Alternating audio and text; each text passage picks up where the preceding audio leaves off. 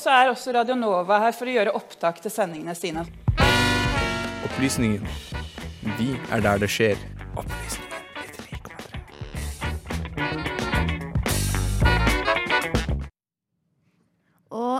Skal vi se litt nærmere på noe alle, i hvert fall i vår generasjon, har en viss greie på, og som vi kanskje ikke helt klarer oss uten.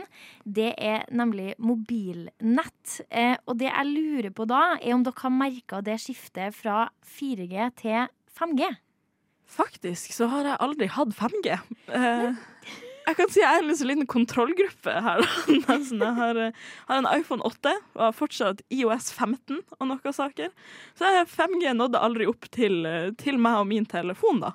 Jeg har aldri sett at det står 5G oppi hjørnet. Det meste jeg har hatt er 4G, men det funker jo kjempefint. Jeg ser ikke behovet for noe mer enn som så, i hvert fall. Så du føler ikke at du mister noe liksom, ved å ikke ha 5G?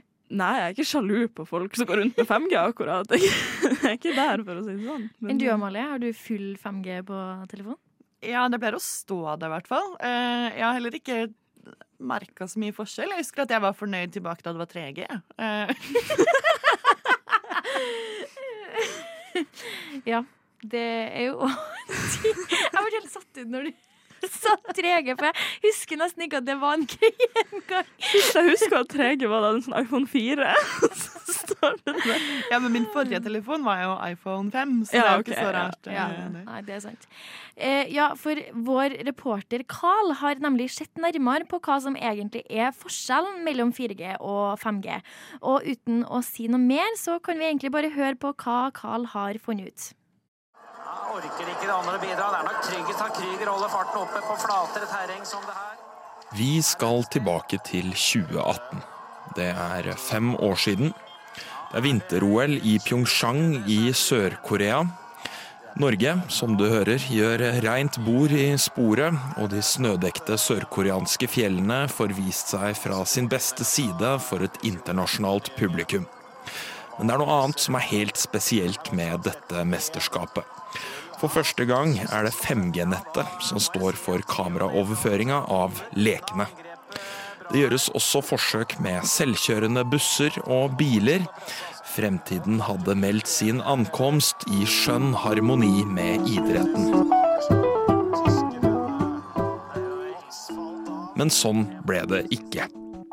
Drømmen om den nye 5G-verden ble solgt inn med frysere som snakka med brødristeren, grensesprengende spillopplevelser og andre eksempler på en helt ny virkelighet. Fem år senere er denne nye virkeligheten med 5G ikke så himmelstormende forskjellig fra den folk er vant med fra før. Det er ifølge forskerne få som opplever overgangen fra 4G som en revolusjon. Tech-forsker Dario Talessimo i forskningsstiftelsen Omdia sier til nyhetsbyrået AFP at 5G aldri riktig var laga for forbrukere. Det var tilpassa industri og tjenester, men de som tilbyr tjenester og industri, altså telebransjen, brukte heller 5G til å markedsføre små fremskritt som revolusjonerende. Professor i informatikk ved Oslo OsloMet Olav Lysne sier til NTB at innsalget av 5G som noe man skal merke voldsomt på telefonene våre, har hele tiden vært på siden av realitetene.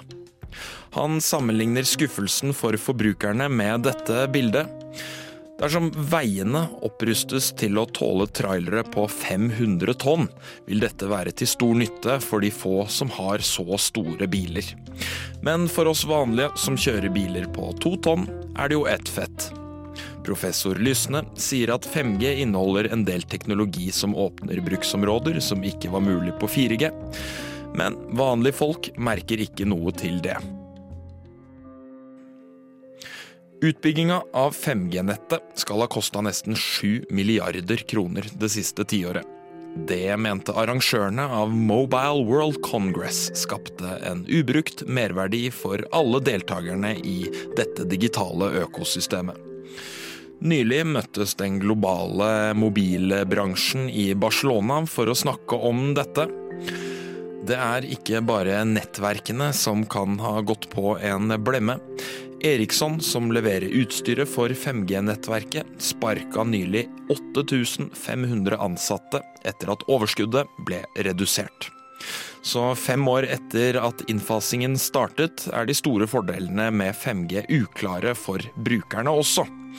En ganske stor amerikansk spørreundersøkelse svarer 1000 av smarttelefonbrukere at de er begeistra for 5G. Men når de ble pressa til å svare på hvilke fordeler de satte pris på, klarte de ikke å identifisere dem.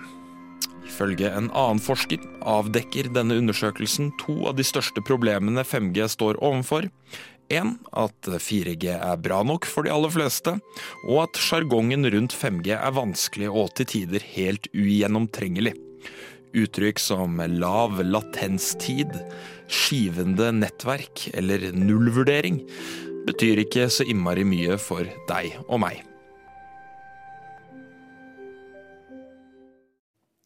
Men det er optimisme å spore også.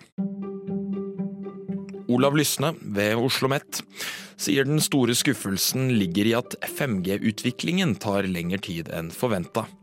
Han sier til NTB at anvendelsen har ikke kommet med den farten vi alle sammen trodde at den skulle. Han tror det vil se annerledes ut om 20 år. Reporter i saken var Carl Biel, og lyd er henta fra NRK og Blue Dot Sessions.